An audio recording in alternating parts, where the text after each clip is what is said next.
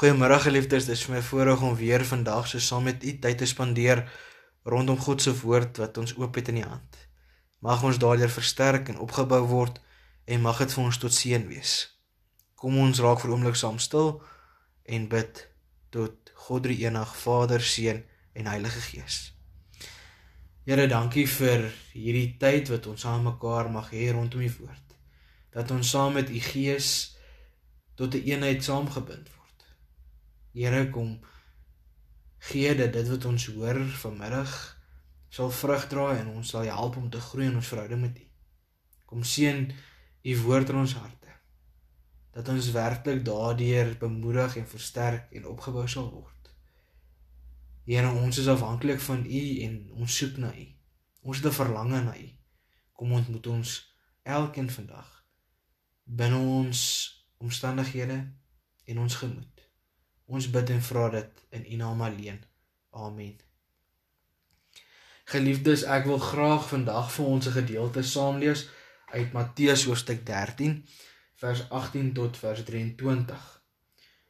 Dit gaan hier oor Jesus wat die gelykenis van die saaier verklaar aan die disippels. En dan is ons elkeen bewus van die saaier, die gelykenis van die saaier, waar dit gegaan het die saaier wat uitgegaan het om die saad te gaan saai en hoe dit dan geval het op vier verskillende plekke. Die eerste daarvan natuurlik die pad, die tweede die klipbank, die derde onkruid en die vierde die goeie grond. Kom ons lees saam wat is die betekenis van die gelykenis. Luister julle dan na wat die gelykenis van die saaier beteken. Die bose kom by elkeen wat die woord van die koninkryk hoor maar dit nie verstaan nie en vat dan weg wat in sy hart gesaai is. Dit is hy by wie daar op die pad gesaai is. Die man weer by wie daar op die klipbanke gesaai is, is hy wat die woord hoor en dit dadelik met blydskap aanneem. Hy laat dit egter nie by hom wortel skiet nie en hy hou nie lank uit nie.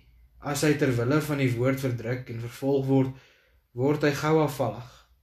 Die man by wie daar tussen die onkruid gesaai is, is hy wat die woord hoor, maar die bekommernis van die lewe en die verleidelikheid van rykdom verstik die woord en dit bly sonder vrug. Die man by wie daar op die goeie grond gesaai is, is hy wat die woord hoor en dit verstaan. Hy dra inderdaad vrug en lewer 'n oes, soms 100voudig, soms 60voudig, soms 30voudig. Dit is ons skriflesing vanmiddag tot sover.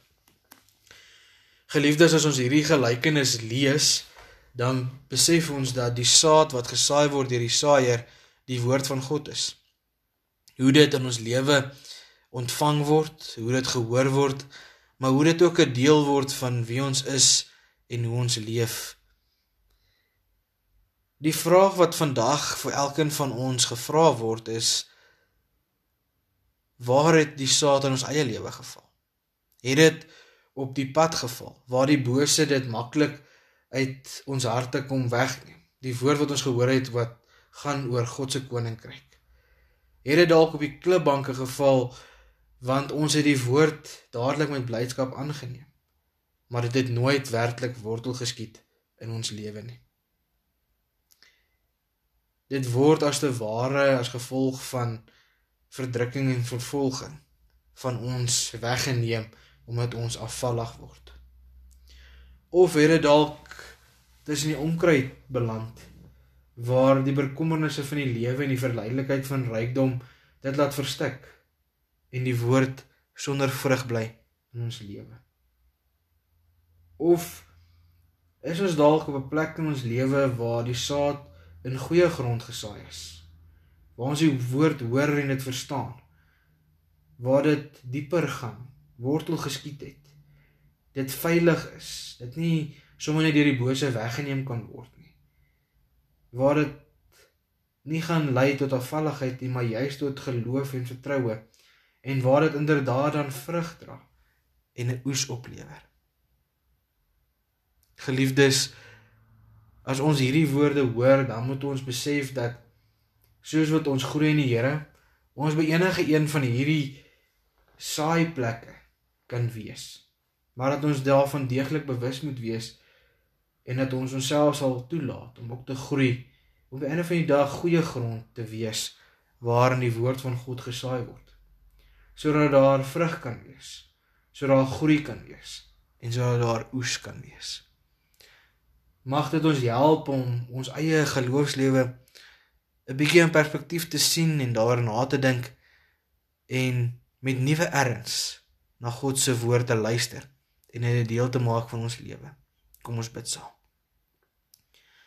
Here, dankie vir u woord. Dankie dat ons vandag nog kan leer deur die manier hoe u die gelowiges van die vroeë tyd geleer het. U disippels deur gelykenisse in ons taal en tyd deur stories.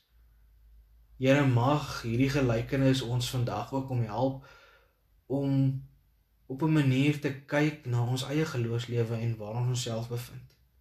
Here wil U gee dat ons ook op 'n plek sal kom deur die Gees wat ons voorberei dat ons ook goeie grond sal wees in die aanhoor en die uitleef en 'n deel maak van U woord in ons lewe. Here, ons wil graag met gehoorsaamheid daarna uitsien en daaraan gehoor gee. Here, kom gee dat ons sal vrug dra en 'n oes sal oplewer. Omdat dit binne u tyd en u wil geskied. Here kom, wees by ons elkeen met ons worstelinge. Ons hoor in hierdie gedeelte Here dat die bose ons bedreig want dit wil die woord van die koninkryk uit ons harte uitkom neem. Beskerm bewaar ons daarteen. Here ons hoor dat vervolging en verdrukking kan lei tot afvalligheid. Ons vra vir U dat ons sal volhard en ons krag in U sal kom soek. Maar Here, ons hoor ook dat die verleidelikheid van rykdom en die bekommernis van die lewe kan maak dat die woord verstik en aan hy vrug is nie. Here gee ons perspektief. Gee ons 'n uitkyk met verwagting na u leiding. Na u uitkom uitkoms in ons lewe. Sodat die saad nie op 'n manier verlore sal gaan in ons lewe nie. Maar dat ons U vooroor sal hê en goeie grond sal oplewer sodat ons kan vrug dra en mag groei om U wil. Here wees by ons, beskerm bewaar ons, hou ons veilig in U liefde en gee dat ons bewus sal wees van U teenwoordigheid en nabyheid elke dag in ons lewe. Ons kom gee aan U die lof en eer vir die seën vir die sorg wat ons het ontvang uit u hand. Here ons kom bid en vra dit dan met 'n diepe bewus wees van ons afhanklikheid van u teenwoordigheid en u leiding in ons lewe. In u naam alleen. Amen. Geliefdes, mag jy 'n geseënde dag hê. Groete vir elkeen ook dice